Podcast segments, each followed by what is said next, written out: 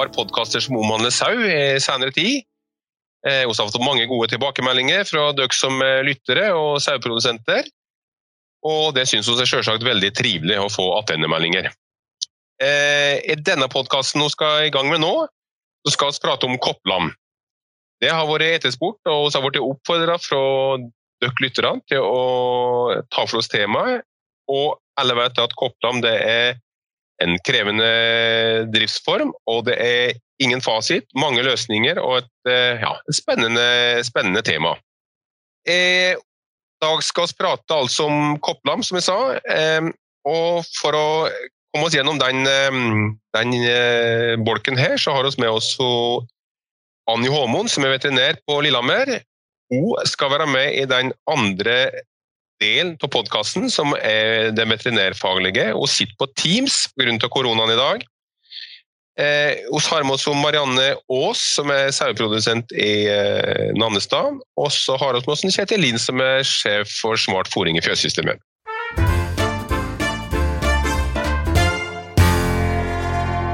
Som vi sa i innledninga, så er Kopplam en eh, spennende produksjon. Og det er en eh, vid produksjon i forhold til at det er mange meninger og mange forskjellige former til å lykkes. Og det er et spennende tema, som sagt. Og det handler om å ta vare på overskuddslamma våre, som blir et, som et resultat av god avl og, og, godt stell. Så da spør jeg eh, det, Marianne. Du driver med kopplam, og hvordan driver du med kopplam på din produksjon? Og hva driver du, og hvordan driver du?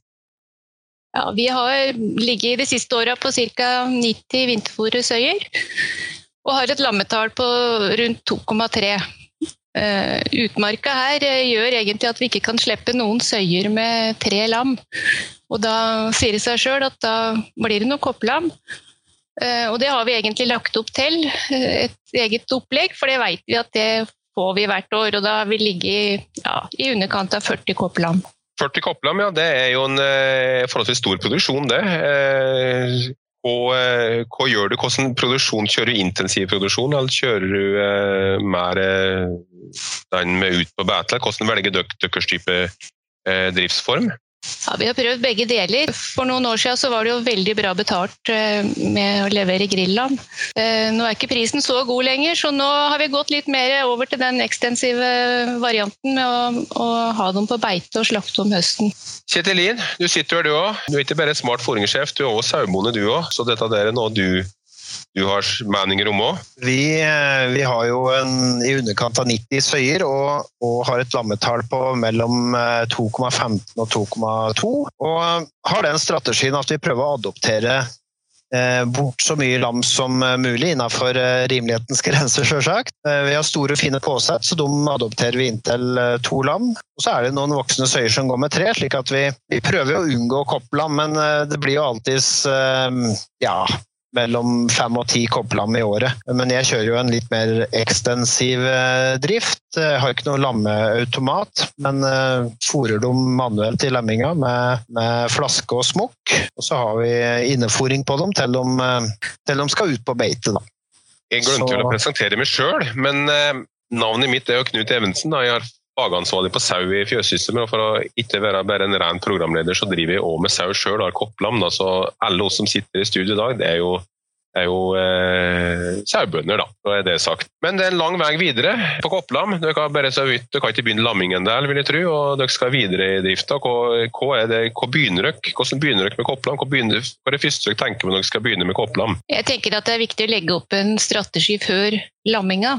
Tenke ut uh, tid du vil slakte, og fôre litt etter det. Uh, sjekke bestandig litt priser åssen prisløpet ser ut. I hvert fall det som har kommet da, på Grillam, så kommer den som regel ved disse tider. Uh, og så gjør vi klart Vi er egentlig heldige og har et uh, eget fjøs, et eget rom som vi har koppelamma i. Og det gjør vi klart tidlig. Vi bruker automat. Deler inn i tre binger.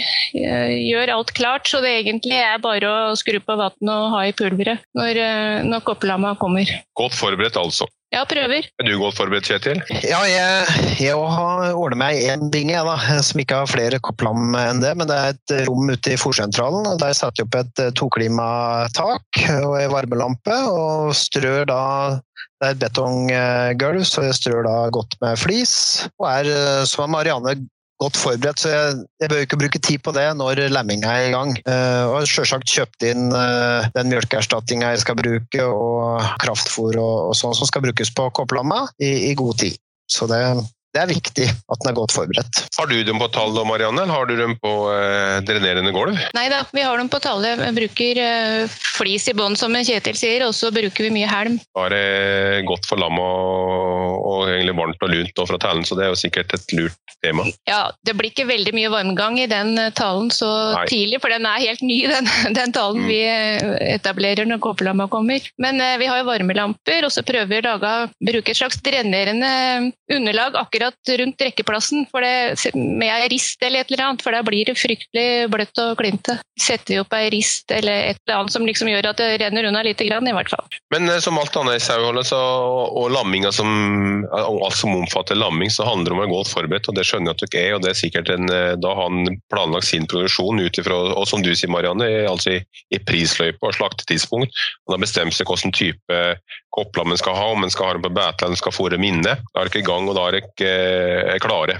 Men så kommer det jo lammingsdatoen, da, og eh, dagen får eh, skje. Og da er det selvsagt ikke så mange lamminger før de tipper at det begynner å nærme seg at det er noe overskuddslam. Hvem plukker dere? Hvem tar dere? Eh, så hører jo det at noen sier du skal ta den største. Det, for min egen del, det klarer jeg ikke. Men eh, hva tar dere? Nei, jeg prøver å ta den største, vi da. ja. Men det er, så mange, altså det er mange hensyn å ta. Det ene er jo at vi inseminerer en del, og, og kåringskandidater og påsett, om vil vi jo at det skal gå med søya. Eh, Det andre er at eh, vi vil jo gjerne at eh, de som går med søya skal være noenlunde jevne. Eh, Men når vi ser bort fra de to tinga der, så da, da blir det den største som blir plukket, hvis det passer sånn Kjønn, da? ser jeg ikke så mye på. Eh, her i hvert fall, da.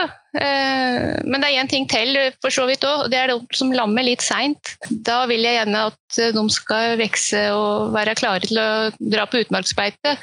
Så da hender det at jeg tar den minste, bare for å vite at jeg ikke må fôre dem hjemme lenger enn nødvendig. Du tilpasser i forhold til din drift. Ja, Tar du dem ifra rett etter lemming, eller går du med søya noen perioder før du tar dem ifra? Nei, vi lar dem gå med et døgn omtrent. Ferdig med råmjølka. Ja, passe på at alle får uh, råmjølk. Eh, Vi har en sånn mjølkemaskin, den er grådig fint. Uh, mjølker litt uh, råmjølk med den og gir til flaske. Og så, ellers så får de også suge søya, selvfølgelig.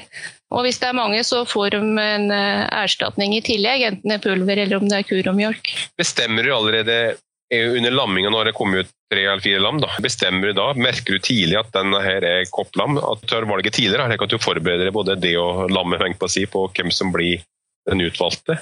Eller hva gjør du? Ja, vi prøver, prøver det.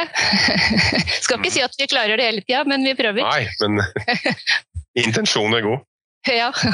Slik som når vi eh, skal plukke ut kopplam, så, så i og med at jeg, jeg vil jo eh, helst ikke ha kopplam, da, så, så, eh, så prøver jeg å søye. Så jeg tar jo ikke fra kopplam før jeg ser at jeg må gjøre det. Og det er jo en utfordrende sak, for så vidt. For det, da går jo ofte lamma med søya i, en, en, en ukes tid, før du ser at det blir for lite mjølk til søya. og da da er spørsmålet hvordan du skal få denne lammongen til å ta smokken. Så det jeg pleier å gjøre, det er at jeg prøver å tilleggsfòre. Når jeg har bestemt meg for at det skal eh, bli en kopp lammonge av tre lamma, f.eks., så, så prøver jeg å fòre med, med smokk og se hvem lammonge som tar smokken. For eh, det kan være utfordrende når de begynner å bli såpass gamle.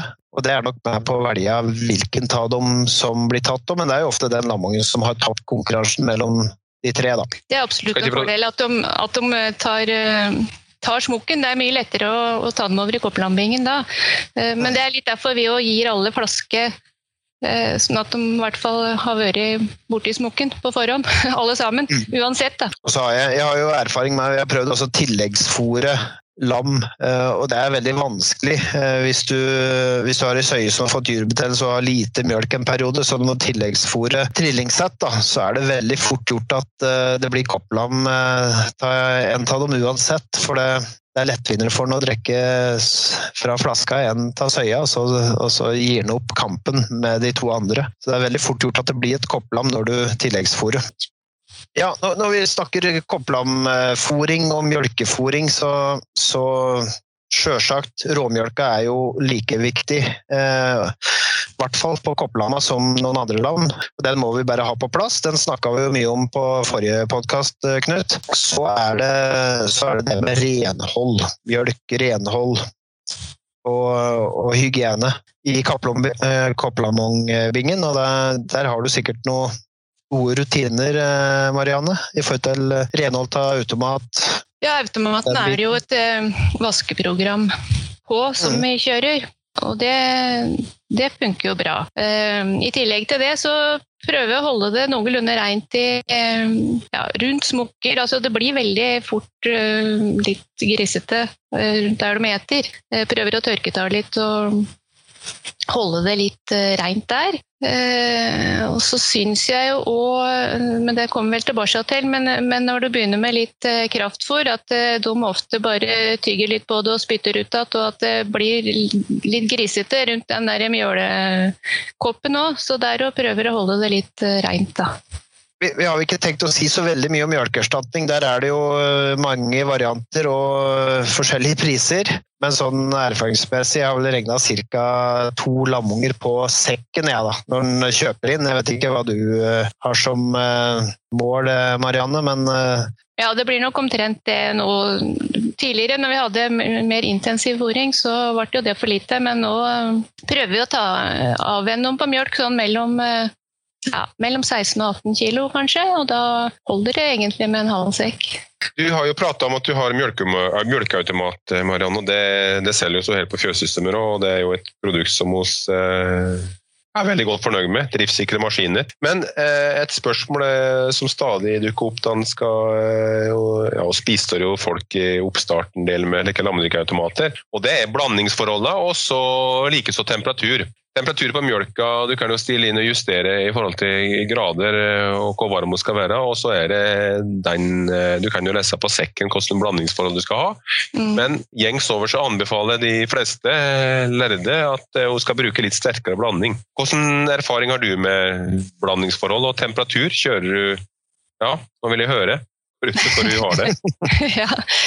Temperaturen eh, ligger nok på eh, omtrent det som står på streken. Den pleier å ligge på 42 grader, tror jeg det, er, eh, det står på de fleste blandinger. Ja. Eh, og så ligger i hvert fall ikke under i forhold til blandingsforholdet, heller litt over, som du sier.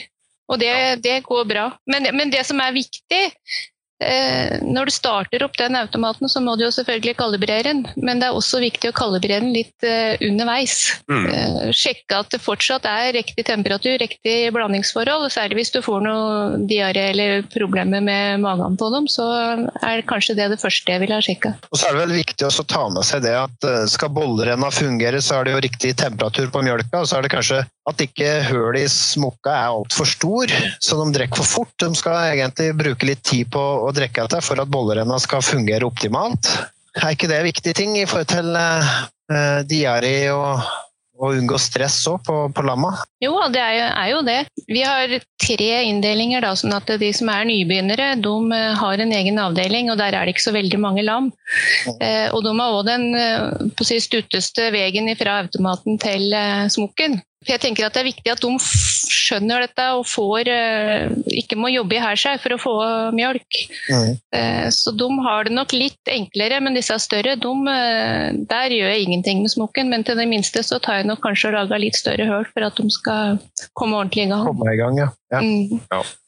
Så er det jo naturlig for et, for et lam er jo å suge lite og ofte. og de Sånn som jeg da bruker jo flasker, flaskefôrer ja, er flaskefòrer i lemminga, så går det jo der hele tida. Så da får du kanskje seks måltider i, i, døgnet som kommer godt i gang i starten.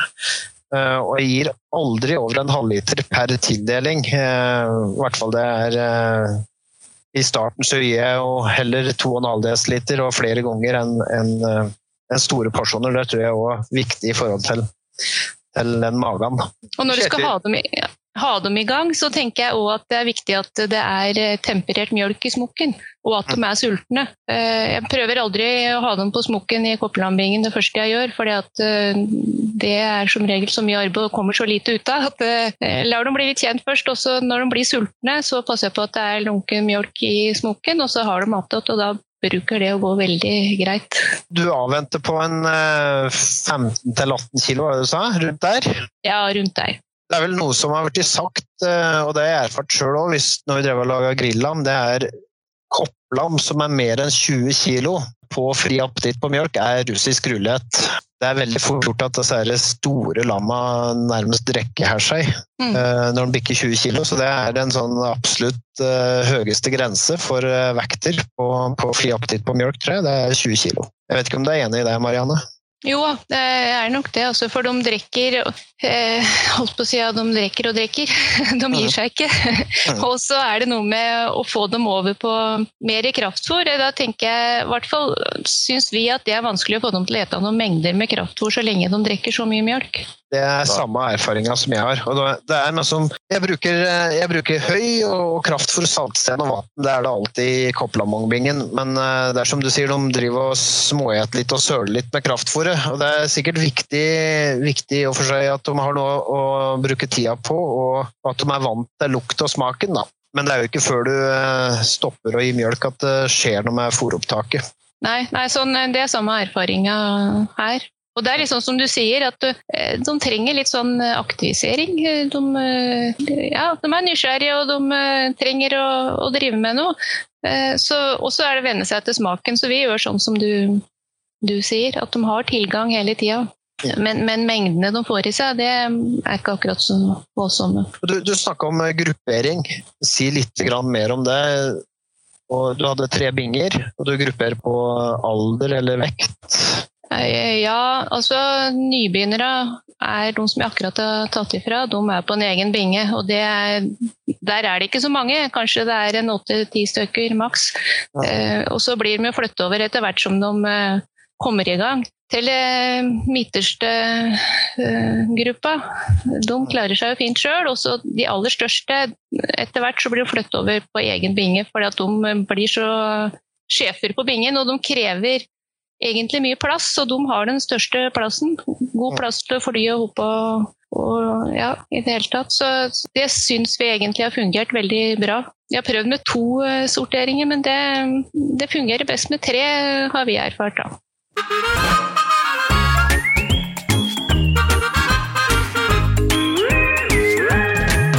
Er i gang på eh, avvenninga og sa litt om avvenning. Eh, eh, det er jo flere forskjellige måter å avvenne på. Noen gjør det slik, og noen gjør det slik. Men hvordan avvenner dere, både Kjetil og Marianne? Er det kort og brutalt, eller er Ja. ja. ja. rett over? Ja, hos oss er, er, det rett over. Vi, vi tar da har vi en annen binge, et annet hus, som vi flytter dem dit. Sånn at de, har ikke, de kommer bort fra automaten og mjølka og så får de selvfølgelig fri tilgang på kraftfôr og høy og vann. Og da det er jo litt leven en dag eller to, og så er det over.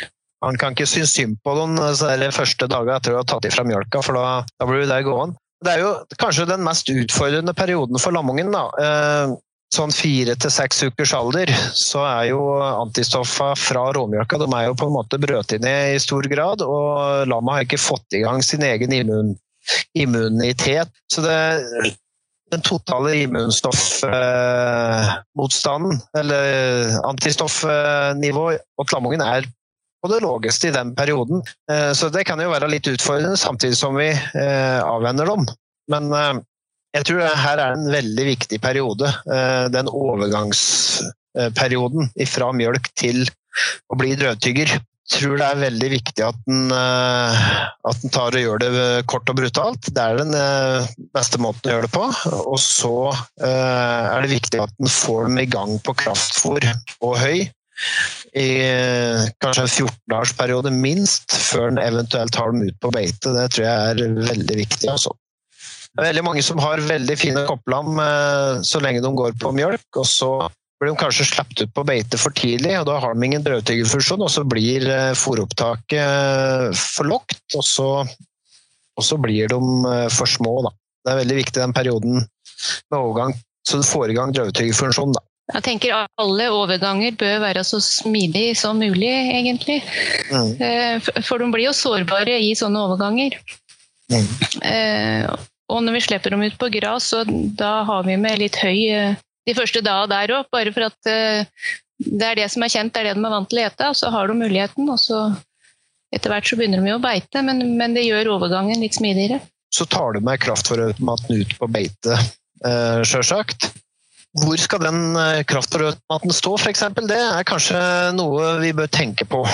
Vi har prøvd å sette den i nærheten av der de hviler. De finner seg jo en plass, og sånn jeg, historisk så vet vi omtrent hvor de kommer til å legge seg hen eh, når de skal slappe av. Eh, så vi har satt kraftfòrautomaten ganske nærme der. For da Det er jo ikke plass til alle.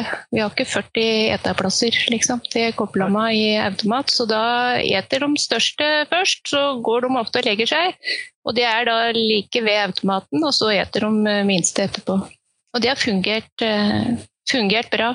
Nei, for det, det, det, tror jeg er eh, et godt poeng. altså, for det. Når du har en koppelamongflokk, så går jo den i flokk rundt omkring på beite. Eh, og det er de største som styrer hvor de går hen. Og hvis du har for eh, lite automatplass, da, så det er bare la oss si en tredjedel som får ete, og de ikke har dette som et naturlig oppholdssted, så, så, vil det føre til at det er de største som et kraftfôr, og når de er ferdig med å ete, så blir de andre med Eh, de store videre uten at de får ete. Eh, så liggeplass og kanskje vannkilde. At vi bør ha kraftfrøytmaten i nærheten der, og at det er nok plasser. Det tror jeg er viktig. Jeg har god erfaring med at å slippe med ei søye eller to, ja, som, eh, for de har et naturlig beitemønster.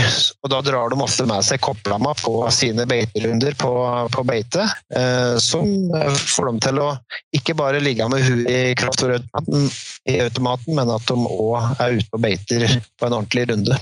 Ja, det er nok et godt, uh, godt poeng. Det har ikke vi prøvd, men, men, du ser jo det at det går noen dager før de begynner å beite. og Har du med ei søye, så vil de helt sikkert lære det fortere enn uh, når de driver og prøver på egen hånd.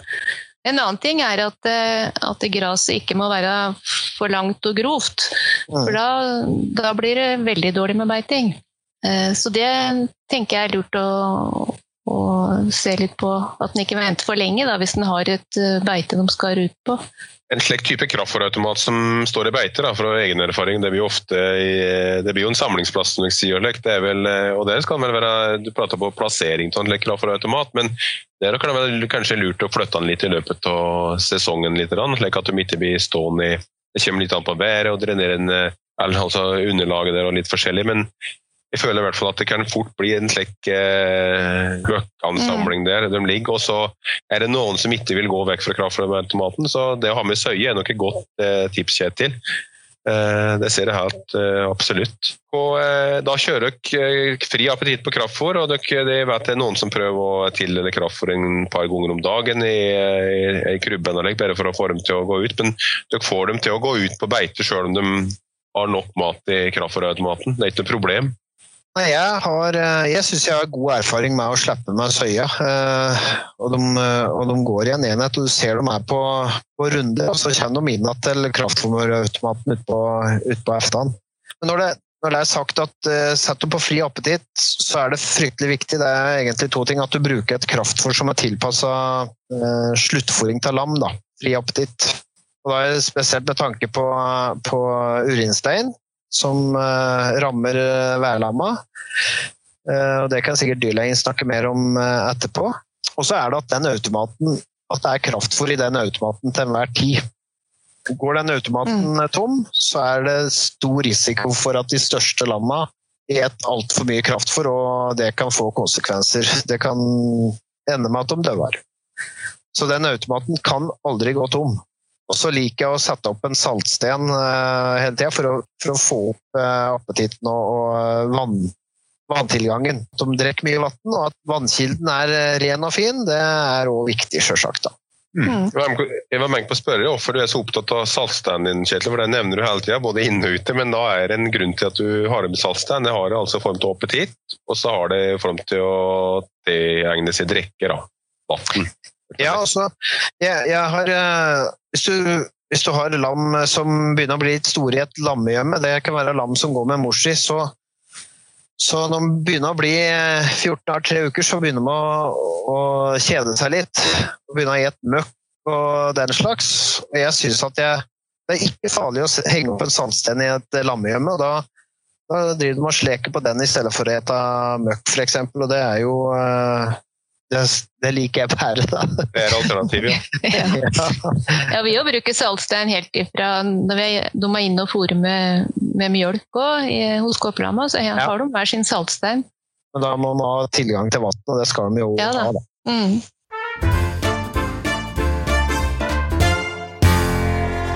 Det høres ut for meg som du ikke har greie på det med kopplam, og det var jo ikke ute av grunnen til at dere sitter her i dag. her, si. Men, men eh, nå begynner det å høres ut som kopplamma begynner å, har det, er begynner å vokse. Og så kommer det jo, som vi var inne på i stad, intensiv, ekstensiv produksjon. Hvordan tenker dere i forhold til slakting, altså vekter, slakteprosent alt det der? Og eh, hva legger dere på? Nei, som jeg sa i stad, så, så slakter jo vi på høsten. eh, Har gjort nå de siste åra. Eh, Men hvis du skal levere tidlig lam, så er jo slakteprosenten litt høyere da, enn det den eh, er på høsten. Så det er viktig å tenke på når du veger og tar levendsvekter. Ja, Mitt eh, driftsopplegg det er jo at jeg, sender meg de kopplene Det er pukkslakting, da. Jeg sender meg mange av kopplene på første sending fra fjellet, og det er helt til slutten av august. Og da blir det jo plukkslakting sammen med de ordinære slaktelamma derifra. Så eh, det har egentlig fungert eh, veldig greit. Har, har nå unngått eh, Du kan jo være litt redd for fettrekk og sånn når de eh, går på fri appetitt på kraftfôr, men det har nå i hvert fall fungert eh, greit hos oss. Vi har ikke fått noe fettrekk. Eh, men de er jo tett oppunder, da. De ligger jo fort på tre, tre minus. Ja, nei, Vi har klart oss uten fettrekk, sjøl om de har gått på kraftfôr hele sommeren. Men det er nok viktig å få sendt dem av gårde når du begynner å nærme deg slutten av august, eh, begynnelsen av september, tror jeg. For å unngå det. Ja, ja, det tror jeg helt sikkert. Det handler om økonomi, og det er, jo, eh, det er jo interessant økonomi. Og det er jo avgjørende for oss som produsent at vi har økonomi. Og en hører ofte det at eh, økonomi i Koppland-produksjon den er tilnærmet null, og så er det noen som tjener veldig mye på Kopplam, så da er jeg spent på å høre hvor mye dere tjener på Kopplam og deres. Så en halv sekk på kopla med Kjetil, da vet du skal til dagens mjølkepris at da får du noen hundrelapper i råmjølk. Ja. Da går det litt i komfort og litt i beter og arbeid. Ja, det er det. Nå har jeg ikke regnestykket foran meg her, da. Men jeg har regna på det tidligere. Men eh, akkurat eh, med de siste prisene og hva som eh, jeg lurer på For noen år siden så tror jeg jeg satt igjen med rundt 600 kroner lammongen, jeg. Men da var ikke, det var det jeg hadde i arbeid, da. Det høres jo veldig det er- forlokkende ut, det. Ja, nei, det er jo kraftfôr og, og mjølk som er trukket ut av den. Mm. Men som sagt, det er eh, lenge siden det ble regna ut, så det er andre priser nå. Så det må jeg nesten regne på at det har nok ikke gått opp. Nei, jeg ikke, har ikke tallene foran meg heller, men, men jeg mener bestemt fortsatt at vi tjener penger. Eh, Men det er klart det er ikke noe store penger. Men så kan du, og det er for så vidt en annen diskusjon da, som går på lammetall. Eh, Hvis du skal unngå koppelam helt, så, så tenker jeg at da, da blir det dårlig økonomi en annen sted. da blir det mindre å Følgefeil. Ja. Eh, Så jeg tenker at det er en del som vi må ta med oss. Og så kan vi vel òg tenke eh, i det regnestykket at den søya som går med to, kanskje ikke har den slitasjen som ei søye som går med tre. Helt enig i det. Å drive med sau uten å ha om, det tror jeg nesten er øh, nesten umulig, egentlig. Ja, ja. Så, så noen kobla må det bli. Og det er helt klart en kostnad med å ha søyer som går med tre. Uh, han skal tenke seg godt om så, den ikke, så det ikke blir for stort press på, på søyen, helt klart. Og som du sier, Marianne, så er det jo noe så verdt å drive god avl, som vi har på sauen vår i Norge, og godt stell. Så da må vi ta de lammetallene som kommer, og ta oss ta de overskuddslammene som eh, blir. For det er jo, det er jo vår, vår plikt å gjøre, vengt på si. ja, absolutt.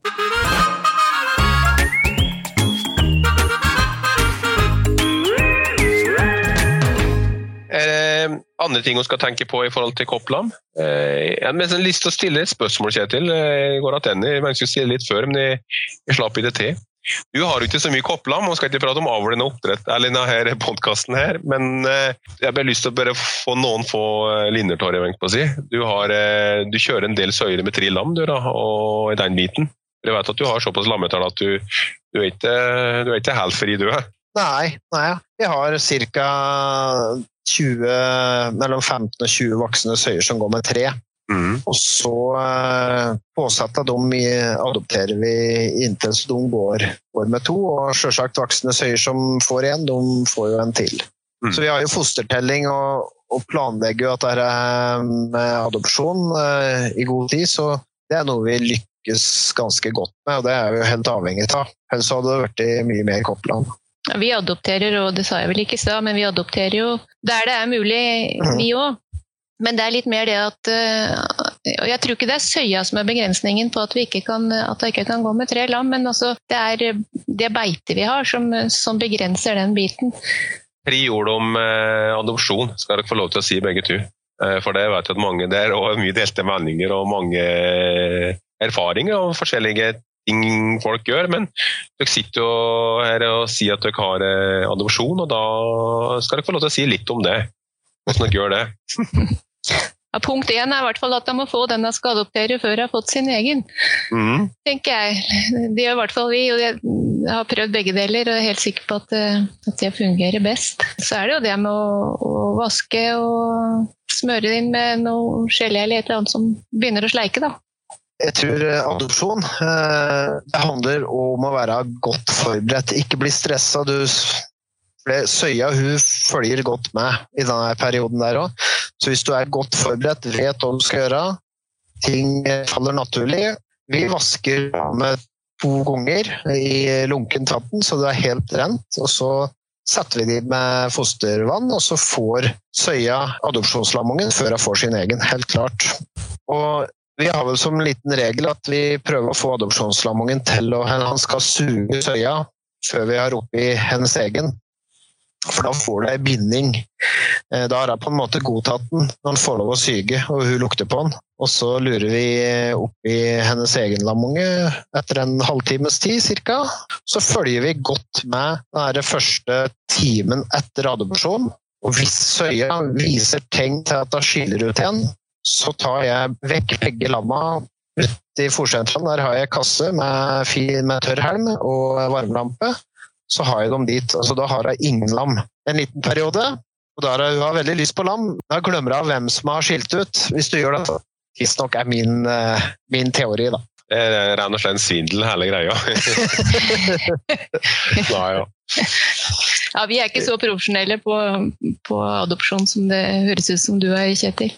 Men uh, det går for det meste bra. Men det er ikke støtt jeg er helt sikker på om det Søya lurer meg, eller om det er jeg som lurer hender, eller åssen det egentlig henger sammen. Altså. Henne blir lurt sjøl òg. Ja, jeg tror det. ja, ja, ja. Ja, så er det jo viktig når du skal adoptere innåt uh, en lamunge, og at de som får en lamunge, så er det jo viktig å følge med på å få til råmjølk på den nyfødte. Ja. Det er klart, Da har vi oppi en lamunge som er, uh, er, litt for seg enn en nyfødt en, og man kan fort tømme søya. Så vi pleier alltid å, og mjølketur søya eh, som vi sondefòrer den eh, har sjøl, den nyfødte. Så det er rikelig med fersk råmjølk til den. Som det er sagt i tidligere podkaster, så er det jo to ting som er egentlig veldig avgjørende for eller flere ting selvsagt, men det med, foster, eller med fostertelling det er veldig viktig for å planlegge produksjon, og så ikke minst råmjølk for at du skal ha med som en godt basis ut ifra alt du gjør, enten du har kopplam eller, eller vanlig eh, mor og, mor og datter. da. Eller mor og unge. Eh, ja, vi begynner å nærme oss slutten på den første delen i den podkasten her. Dette var den praktiske delen, eh, før vi skal gå over på den eh, veterinærfaglige. Så da spør dere til slutt, er det noe mer vi skulle hatt med før vi hopper over til veterinæren? Nå skal vi ta for oss vaksinering og litt mer den biten, alt det, det, som kommer der. Men er det noen mer praktiske ting dere ville ha tatt med? Er det noe som har lagt ekstra vekt på? Jeg hører i hvert fall at Kopplam det er liv laga, det er en produksjon som vi eh, må ta på alvor og utnytte ja, både sauen og produksjonen for det er verdt, og, og, og gjøre de rette tingene, bl.a. som vi hører til dere i dag. Jeg, jeg, har lyst til å bare poengtere uh, igjen, for det føler jeg er en del som uh, kanskje kan uh, gjøre litt feil. Det, det er at når du avvenner på mjølk, så må du få lamma til å komme godt i gang med kraftfôr og grovfôr. Minst 14 dager, kanskje tre uker, før du vurderer å ha dem ut på beite. Det tror jeg er veldig viktig for å, for å få lamma til å fortsette den gode, jevne tilveksten. Og så er det jo det med vaksinering og, og, og snyltemiddel. Eh, men det, det, kan eh, dyrlegen ta og, og si helt riktig hva, hva, de anbefaler. Du Marianne, har du noe ekstra tips? Nei, jeg støtter egentlig den Kjetil sier om, eh, om at de overgangene, at det er viktig å følge opp dem. Og at de må få tid til å bli ordentlig drøvtygere og ha Etta bra med både kraftfôr og høy før du slipper dem ut på noe gras og beite. Det tror jeg er viktig. Mm. Og så er det en viktig ting til som jeg hører eh, noen eh, har opplevd, og det er jo hvis du får litt diaré på lammet om sommeren, som blir møkkete bak, så er det veldig fort gjort at det blir fluemark. Det er fryktelig kjett, og det man følger med på. Hvis du ser dem bli møkkete bak, da blir det å vaske dem og klippe dem, så det så ikke fluemarken får tak. Også, for det er, eh, det er, en forferdelig eh, situasjon for lammet og, og for deg. Så det, det, er det man passer på. Og så kanskje litt i forhold til beiter. Eh, spørs litt hva slags beiter du har. Men sånn som vi pusser beiter ganske ofte om sommeren for at de hele tida skal gå på ferske spirer, som, og som ikke er for grove, tror jeg at det er mye bladverk. Det er nok viktig. Gode bøter og alt det der. Og så tror jeg, avslutningsvis vil jeg si at det er viktig å, å, skal, å skal framsnakke Kopplam. Altså for det er tross alt en produksjon vi har ved sida av norsk eh, sauekjøttproduksjon si, i dag. Eh, det går ikke an å si det at eh, Kopplam ikke er eller får tittel på det ene andre, men nå skal framsnakke det. og høre det i denne podkasten som vi driver med nå, at det, det går, de går faktisk ute. De går på beite og de er eh, fôra slik de skal fôre, så at de vare på de lammene som er. Det tror jeg er viktig å, å tenke at kopplam det er faktisk en ressurs, det er ikke bare en eh, utgift. altså. Du skal ta vare på det. Så da tror jeg at hun sier takk til den praktiske del. Takk til Marianne og takk til Kjetil. Og så går vi over til Anny eh, som er veterinæren, som skal høre litt mer om de ja, veterinærfaglige tinga når det gjelder å drive med koppland.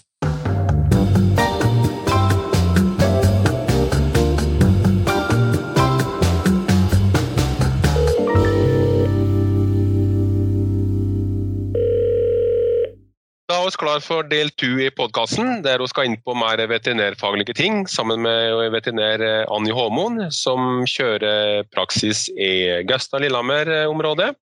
Så da eh, skal vi eh, ta for oss de tinga som må si tid for oss før, for å si det slik. Og da har jeg lyst til å repetere en ting som vi alle kan få sagt hvor viktig er, og det er råmjølk. Når jeg sier ordet råmjølk, Annik, hva tenker du da? Nei, Det er jo eh, øverst på lista mi òg, i forhold til hva som er viktig for å komme godt i gang med lammene. Uansett om det er lam som ender opp i kopplambingen, eller om det er lam som skal gå med mor, så er det jo slik at eh, de er helt avhengig av å få i seg antistoffer fra råmjølka eh, så fort som mulig etter fødsel, eh, for å få en god start og, og unngå sykdommer utover. Har du noe regel på liter råmjølk og antall mål. Det er jo mange som diskuterer hvor, mye, hvor ofte og hvor mye skal et kopplam ha, eller et lam ha. Da. Et, eh, hva du tenker, hva du gjør. Anbefaler du? Nei, altså min tommelfingerregel er omtrentlig en liter per lam, hvis du tenker at et lam er rundt fem kilo, da, eh, i løpet av det første levedøgnet. Eh, og mm, det første målet bør jo gis så fort som mulig etter at lammet er født. Ja. Helst innen to timer.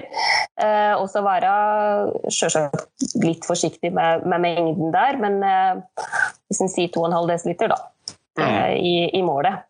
Mm. mm. Det viktigste er jo å sørge for at, at alle får. og nå har dere snakka tidligere om um, denne her mjølkepumpa, som veldig mange nå begynner å få rundt omkring. Veldig enkel vakuumpumpe som er kjempefin å bruke. Får ut mye mjølk på kort tid, og da, hvis du er litt påpasselig med å vaske juret først, bruke pumpa og få ut rikelig med råmjølk og, og gi til alle lamma, så du vet at de i hvert fall har fått en, en start, god start, mm. så er det en stor fordel. Men du, råmjølk det er råmjølk er råmjølk, råmjølk. Eh, råmjølk. det er mange som bruker kuråmjølk, det har vi prata litt om før. Men eh, hva tenker du om Alle skjønner vel at råmjølk fra sau er det beste, men mange av oss bruker jo råmjølk fra ku. Vi bruker kjøttpulver. Hva tenker du om de noe, har du en erfaring om det er store forskjeller? Virkning, grad? Ja, de tingene? Nei, altså, Det er jo som du sier, råmjølk ifra Støya er jo det aller aller beste, og det som vi ønsker å bruke. Eh, hvis en skal rangere det, da, så vil jo da råmjølk fra ei anna søye eh, være eh, på andreplassen. Eh, og deretter så er det selvfølgelig et alternativ å bruke eh, kuråmjølka. Eventuelt ifra geit. Den er jo relativt lik i sammensetningen som saueråmjølka. Eh, eneste du må passe på der, er å bruke, bruke mjølk ifra en sanert geitebesetning da, eh, ja. som har vært igjennom dette Friskere geiter-prosjektet, mm. slik at du ikke ender opp med å få, en, eh, få, noen restriksjoner på besetningen der. Så er det jo selvfølgelig mye eh, kommersielle midler på, på, markedet å få tak i. Eh, men jeg tenker at naturlig råmjølk er definitivt det beste. Så tilstrebe å ha å få ut råmjølk fra søya, eventuelt ei anna søye, og eventuelt da ha noe kuråmjølk på lur. Ja, være forberedt, som vi pratet på mange ganger før. Det er veldig viktig, og det syns jeg generelt at uh, sauebøndene er flinke til å være godt forberedt. Det er en intensiv periode som alle gjør seg i større eller mindre grad klar til, og har slike ting klart på forhånd. Det er veldig viktig både med råmjølk og, og selvsagt andre ting. Å legge strategien på forhånd og ha en plan. Vi gleder oss, vet du, så derfor er vi litt i gang med å eh, forberede oss òg. Det er jo ja. Eh, det glede og sorg, men det er mest glede. Ja. Jeg kan skyte inn òg at um, på eh, sauehelsetjenesten sine nettsider, altså inne på Animalia, eh, så er det en egen fane som heter Sauehelsenett. og Der ligger det enormt mye god informasjon som er ja, det er ganske lett å manøvrere seg rundt i, i nettsida der. Og der står det òg veldig mye rundt dette her med råmjølk, råmjølkstildeling, eh, og hvordan skal planlegge rundt det her, spesielt det første, viktigste døgnet. Da. Ja, godt tips.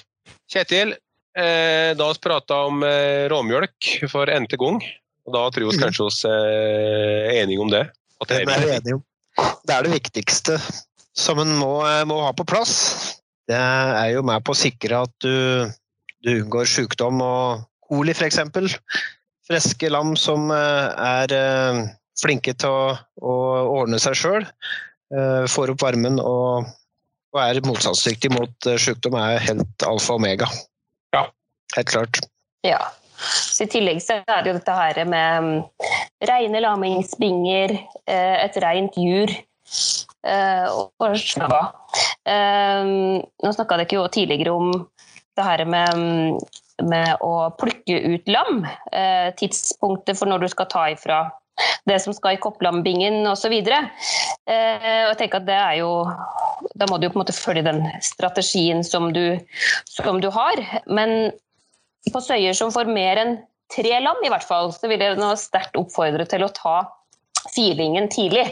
Det kan virke som at Søya har store problemer med å telle til fire, så det er fjerdelammet. Det, eh, det blir fort eh, liggehjel eller mm. ja, mm. ryke med til andre årsaker. Så, så jeg tenker at uh, tre ok, uh, kanskje kan du gå, gå, med det.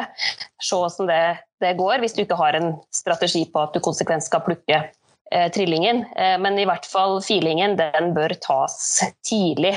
Gjerne før det har gått et døgn, for det, den er veldig utsatt. Hygiene, ja. De flesteparten har vel noen koplambinger etter kort, da, som de har koplamma oppi. og Der er det forskjellige både underlag og utforming på de bingene. Men Kjetil, hva du, hva du tenker om koplammbinge? Du har jo sett mye du har i dine år. Og, så Hva er den ideelle koplammbingen? Grupperer du? Hva tenker dere begge to om det? Gruppering, sortering? Ja. Nei, Det har jo ofte med størrelsen å gjøre. Jeg sjøl liker å ha et sånn toklimatak jeg da, eh, borti et hjørne til koplamma. Toklimatak? Unnskyld, ja. toklimatak eller binge date er sikkert alle vet hva er, så det kan du forklare litt nærmere. Det er jo egentlig eh, et lite tak på en eh, meter, 1,5 meters høgde som er over, over der lamma skal ligge.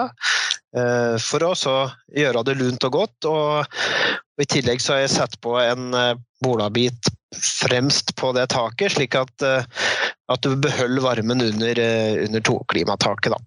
Det blir veldig lunt og, lunt og trekkfritt, og så har jeg varmelampe under der, så det, blir, det er et fint sted å være. Mm gruppering? Det er òg et uh, viktig moment der. Uh, det er klart at uh, Blir det veldig mange lam i en binge med ulik størrelse og, og alder, så vil det jo bli kamp om maten, det er én ting, og, og smittepresset øker. Så det er selvfølgelig en utfordring å klare å, å gruppere godt om du har automat med ei smokkerekke som er veldig tett, men Sett bort ifra det, da, så er det det beste å få gruppert lammene i ikke altfor store eh, flokker. Eh, ikke ha for stor binge eh, i starten, i hvert fall. Tenk at det er kort vei til, til maten. Eh, og prøve å ha eh, relativt jevnstore lam i lik, lik alder eh, i gruppene. Det vil redusere smittepresset og gi et enklere liv da, for, eh, for dommene. Jeg tenker på underlag òg. Jeg har jo sjøl erfaring med kopla. mi. før så brukte jeg, tenkte jeg at det var best at de gikk på strø, altså strødd, eh, strødd område. Men en ser da at det blir veldig mye søl i bingene, altså mye urin og, som skal ut. Så det blir veldig fort klint i bingene. Så det, jeg har jo for egen del begynt med å ha dem på rister. og Det er mange som bruker rister under akkurat der de drikker, like, som gjør at det blir litt lekk. Og så har de en plass med, med lunt, som du sa, Kjetil, med toklemmebinge med kanskje litt helm og flis oppi. Så da blir det kanskje litt mer hygienisk, for det blir fort lekk klinete og ja, sikkert grobunn for del sykdommer, vil jeg tro.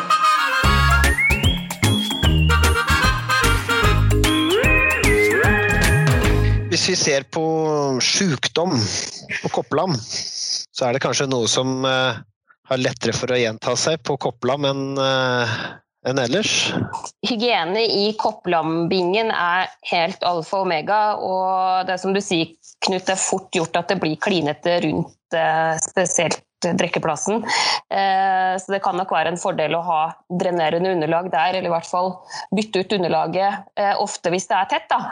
Og, med, å ha veldig fokus på dette her med, med generell hygiene og renhold i kopplambingen. Eh, smukker, bøtter, liggeunderlag.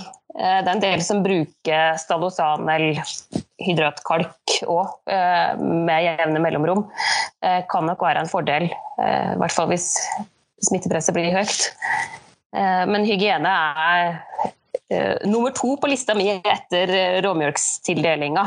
Gjelder jo alle lam, men spesielt i kopplambingen. Kjempeviktig. Det er jo slik at Uh, uansett og, rent og tørt og fint du har det, så vil det alltid være en bakterieflora rundt lammene. Noen ganger så er dessverre ikke råmjølkstildelinga god nok, slik at de blir mer utsatt for, for sykdom òg. Eh, så det er mye som kan oppstå i disse her første ukene etter fødsel.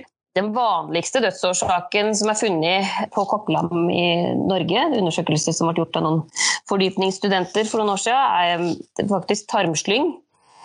Ikke direkte relatert til bakterier eller noen sånne sykdomsagens som sådan, eh, men ser nok en sammenheng mellom litt dårlig immunstatus på lammene, eh, dårlig utvikling av både nettmage og vom, eh, slik at du får forstyrrelser i fordøyelsessystemet da, eh, som disponerer for, for, tarmslyng. Så da får du ofte veldig syke lam som er, viser tydelige tegn på smerte og, Og du finner dem kanskje døde før du nesten har sett symptomer, for det går ganske fort. Eh, men felles for mange av disse her er jo at det er veldig dårlig utvikling av, av fordøyelsessystemet. Eh, det har ikke blitt en god drøvtygger slik vi er veldig opptatt av å få dem. Eh, og da er vi jo tilbake til her med driftsopplegget rundt oppfòringa av kopplammene. At det er kjempeviktig at du planlegger helt ifra dag én at dette her skal bli en god drøvtygger. De må ha tilgang på både rent vann, eh, grovfòr og kraftfòr, helst ifra dag én. Eh, og som det ble sagt tidligere, så er det jo ikke, er jo ikke opptaket noe å snakke om, spesielt på kraftfôrsida eh, i starten. Men eh, det vi vet både fra lam og kalv og de som skal bli gode drøvtyggere, de trenger å ha dette her å sysle med, rett og slett. Eh, drive med for å få utviklinga av vomsystemet sitt. Mm. Eh, så det er kjempeviktig. Gjerne bruke ja, Det kommer noe ulike lammekraftfôr på markedet, og både musli og, og, andre ting. Men bruke noe som er tilpassa en ung drøvtygger. Da.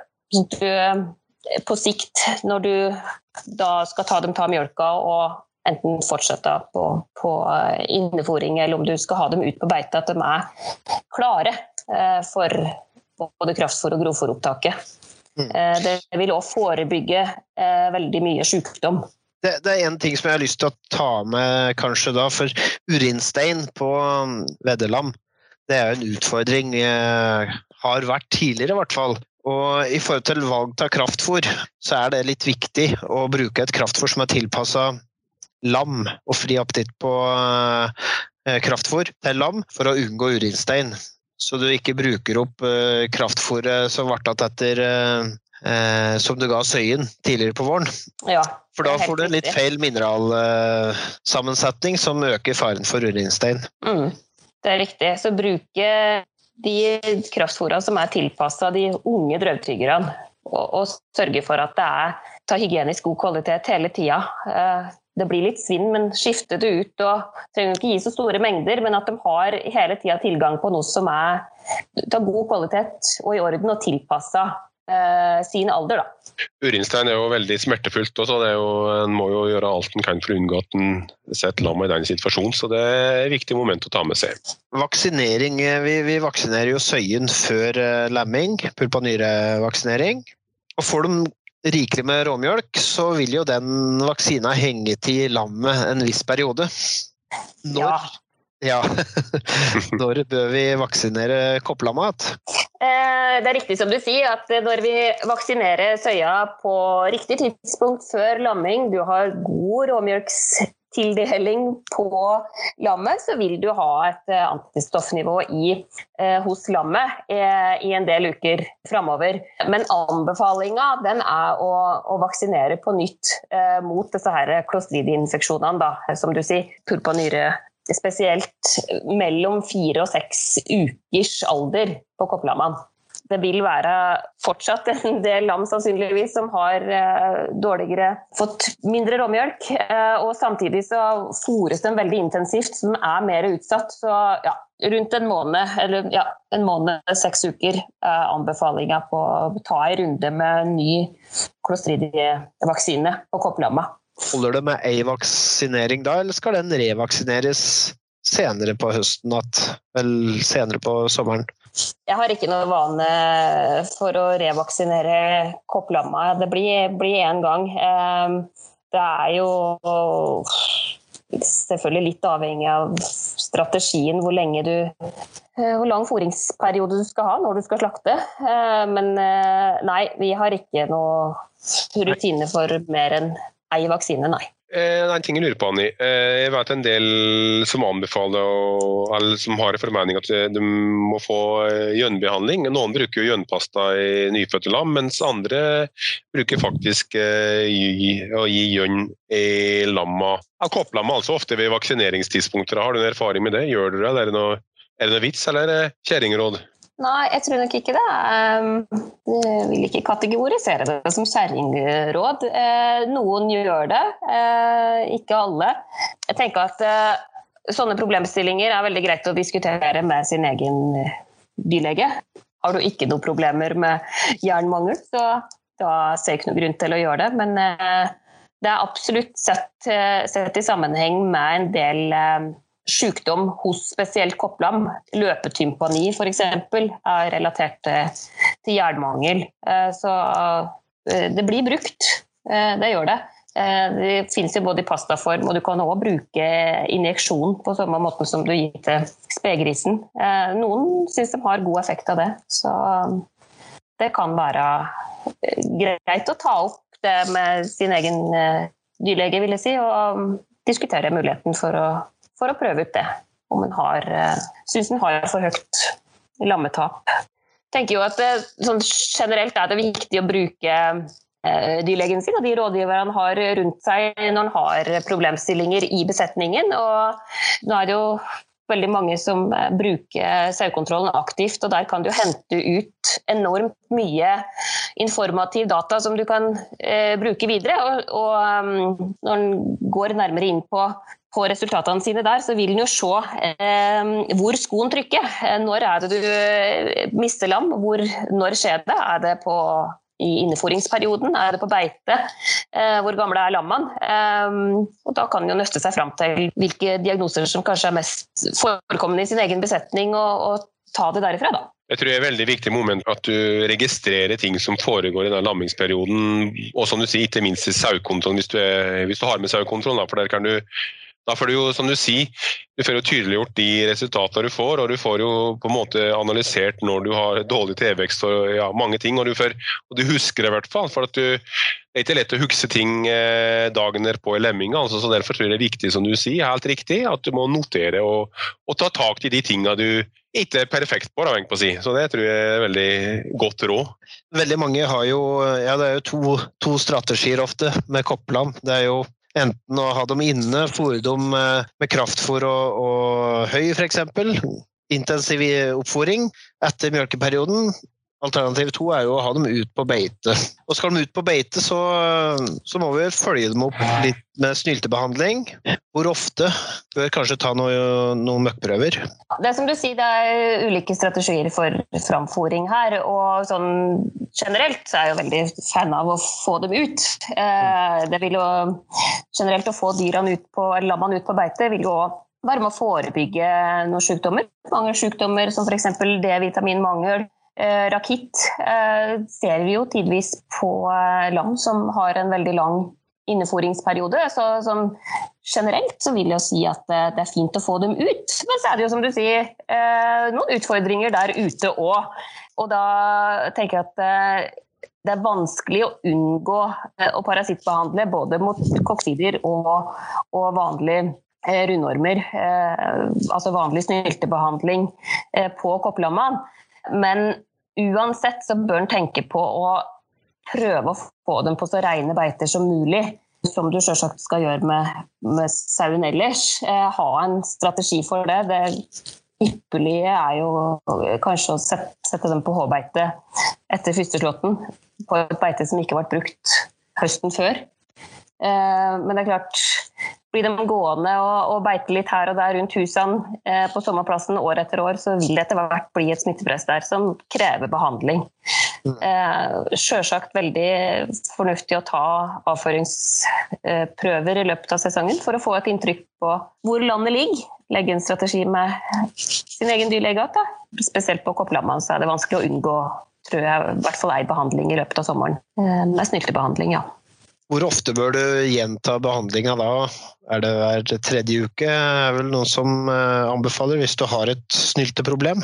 Det er litt avhengig av hvor lang den eh, beiteperioden blir. Eh, den skal tenke på mot slutten av fôringssesongen, så er det jo noen tilbakeholdelsesfrister på, slakt på, på, en del disse her midlene. Så avføringsprøver er jo det beste, men um, man må jo bare følge med på fòropptak og tilvekst. Og ikke minst uh, være påpasselig med at de har god tilgang på kraftfôret sitt, at fòrhekken ikke går, går tom. Uh, rent, hygienisk godt drikkevann uh, til enhver tid. Det er vanskelig å komme med ei oppskrift, for det er ingen ingen besetning som er lik. Smittepresset er forskjellig fra beite til beite og fra år til år. Eh, så her må en nesten bare legge en strategi for sin besetning, som en gjør på resten av dyra nå, altså de voksne dyra. Hvor langt hos kommet på å si? Det vi mangler? Nei, det er jo flere sykdommer selvfølgelig som vi kan innom, men eh, det tenker jeg at uh, veldig mye er fôringsrelatert uh, på Koppland. Så ja. da er det forebygging av foringsrelaterte sykdommer som kanskje er det viktigste. Og så har du jo selvfølgelig noen bakterieinfeksjoner. Du har lungebetennelser, leddbetennelser. Du kan jo òg ha tarmsykdom som er forårsaka av bakterier, selvfølgelig. Eh, som må behandles med antibiotika. Men eh, det er ikke alltid at medisin er beste behandling. på en måte. Nei, altså, du ser til et punkt at du, at du må gi det, da. Men eh, men tenker jeg å ha fokus på dette her med å fòre riktig. Det har så enormt mye å bety, for det har så mange følgekonsekvenser. Mm. Eh, med vomforstyrrelser, ulike former for feilgjæring, survom osv. Jeg bruker høy, for det syns jeg er enklere både hygiene, hygienisk og i forhold til magen på lamma, vomma. Fint høy til både lam og kalver. Det er jo veldig koselig å, å mm. bruke og fint, fint å gi. Eh, lett å følge med på hygienisk kvalitet, absolutt. Og så eh, syns jeg det var lurt, som eh, var det Marianne som, som snakka om det tidligere, at å Eh, i overgangen, da, når du skal ha lammene fra innefòringa ut på beite, at du har med eh, litt av det grovfòret, tilgang til det grovfòret og ute. Slik at den overgangen ikke blir så, så brå. tenker jeg var smart, sammen med å ha med deg eh, noen voksne dyr, så de lærer seg beiteatferden samtidig, da, selvfølgelig. Og så er det en praktisk årsak så er det lettvint å kunne hente litt høy på låven i stedet for å åpne en rundbær, Kjetil. For da begynner jo, eh, om det så er brukt ensileringsmiddel, så begynner jo varmen til korttegnet. Så det, det, er veldig praktisk å, å, få inn litt høy, høy på sommeren da, til koppelamma. Ja. Det er veldig viktig. Eh, det ble nevnt her eh, lungebetennelse. Og da er vi vel litt inne husdyrklima, ventilasjon, tetthet av dyr? Dyretettheten har har stor betydning, selvfølgelig. Og klima, klima inne. Um, utover i sesongen så blir det fort klinete, og det blir uh, flere dyr og, og, vanskelig kanskje å holde på aldersspredningen. Um, så lungebetennelser er jo ikke, ikke uvanlig. Um, og det må behandles. Det må behandles tidlig, og generelt vil jeg si at det er viktig å, å ta ut syke lam ifra fra bingen, fra fellesbingen. Ehm, det er ikke alltid at det er noe som er veldig smittsomt, men, eh, men det kan være det. Og da, uansett sykdomstilfelle, så er det viktig å, å ha god behandling ta, ta, rask og god behandling av syke dyr. Da. Eh, de er jo, det er små kropper som ikke har så mye å gå på når de først eh, blir syke. Så å få behandla dem raskt og effektivt og ut av bingen.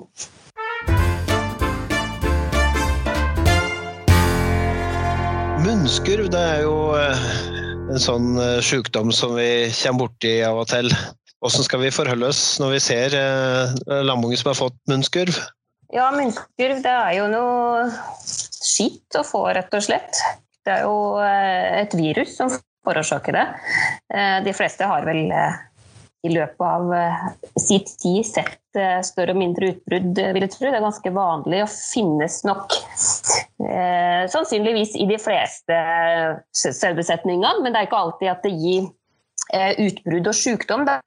Eh, det blir jo ofte sånne skikkelige eh, vabler på enten på jura på støyene, med liksom vorter og sår, og ofte på rundt nåse og munn på, på lammene. Eh, og det er jo plagsomt og kan bli skikkelig smertefullt. og hvis det får skikkelig tak, så blir det ofte bakterieinfeksjoner i etterkant som, som, må behandles. For å forebygge utbrudd, så er det jo tilbake til denne her hygiena, selvfølgelig. Ser du at det er under utvikling på et lam eller to, spesielt i Kopplangbingen, hvis vi konsentrerer oss om den, så er det viktig å få isolert dem, for det her smitter veldig lett. Få dem ut.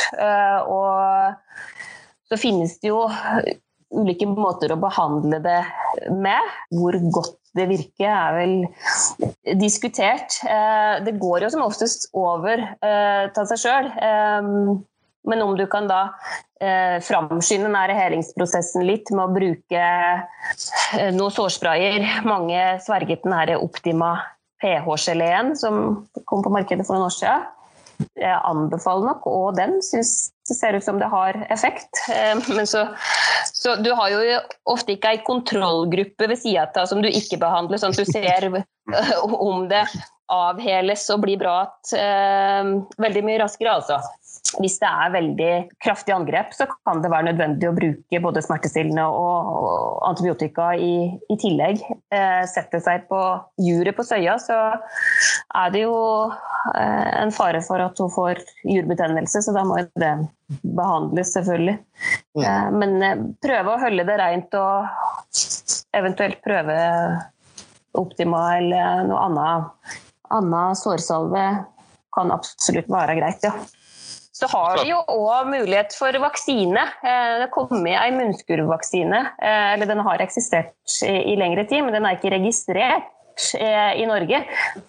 Legemiddelprodusenten har ikke registrert den for bruk i Norge, men vi dyrlegene har mulighet for å ta inn den på noe som heter godkjenningsfritak da, gjennom Legemiddelverket. Så det er en del besetninger som syns at den har effekt og ønsker å vaksinere med den. Så det har du problemer med munnskurv, så ta kontakt med dyrlegen og hør om muligheten for å bruke eh, munnskurvvaksine. Forrige podkast prata vi om tidstyv, og det liksom, du kan jo ikke kalle det tidstyv, men det er i hvert fall veldig arbeidsomt å, å få utbrudd av skurv, så det er jo viktig å prøve å gjøre alt en kan for å, for å unngå det. Da. Forebyggende. Det er jo vel sikkert dere veldig glad til, dere som er dyrleger òg. Absolutt. Det er jo ikke sånn at vi vi vil jo helst forebygge i stedet for å, å reise rundt og, og brannslokke. Absolutt. Så uh, det er et godt poeng. Um, prøve å unngå utbrudd, og hvis du får det, så i hvert fall isolere de dyrene som har det så fort som mulig. Da. Så at det ikke stresser seg. Mm. Vi begynner å nærme oss slutten tenker på eh, denne podkastdelen her, som omhandler kopplam. og så har vi vært gjennom mange temaer. og Så har jeg repetert råmjølk mange ganger. Nå har vi prata mye på hygiene, litt sykdommer og litt forskjellig, men er det noe vi har glemt? Da er det bare å prøve å praktisere. Ja, og så tror jeg det er veldig godt råd som du sier, Anja, at eh, det gjelder å ta opp eh, Det er ingen, ingen gard som er lik. og Derfor tror jeg det er veldig viktig, som du sier, at man eh, må ta det opp med sin, sin veterinær når man har noen utfordringer problemer. For det er ofte Det må jo kanskje kartlegges litt like forskjellig, og det er, det er, ikke alt som kan sies på en podkast, og ikke alt som kan skrives i bok. så Derfor tror jeg det er viktig, som, ja, som du sier, da, å prate med sin egen dyrlege og både råd og ikke kanskje minst prate med yrkesbrødre og kollegaer som òg sitter på en del, eh, god del erfaring på dialekt. da. Absolutt. Det er enormt mye kunnskap og erfaring rundt omkring. Og det har jeg òg inntrykk av at eh, bøndene er flinke til å diskutere seg imellom problemstillinger og, og de utfordringene som er. Og så får en støtte seg på de mulighetene har rundt seg i forhold til rådgivning. Og, og så gjentar jeg jo det eh, tilbudet helsetjenesten har med, med sauehelsenettet. Der står det veldig mye, mye bra, og, og, helsetjenesten for sau har jo òg kjempeflinke fagrådgivere som jeg i hvert fall uh, eh, syns det er ypperlig å kunne ta kontakt med uansett mm. problemstilling. Om det er produsenten som gjør det direkte sjøl, eller om det er dyrlegen. Det spiller ikke så stor rolle eh, hvis en har en, en, utfordring i sin besetning. Da. Ja, det er et godt tips å ta med seg. og en ting er i hvert fall sikkert han driver med denne produksjonen, det gjelder vel sikkert dere som dyrleger. Han er aldri utlært, føler jeg. Det er alltid noe nytt som dukker opp. Så jeg håper, håper folk har eh, fått med seg en del gode, mm, gode tips og råd og, og, erfaringer som er delt av oss som har vært med i podkasten. Så da tror det gjenstår bare å si eh, lykke til med lemminga, lykke til med Koppland-produksjonen og ha en ellers god vår.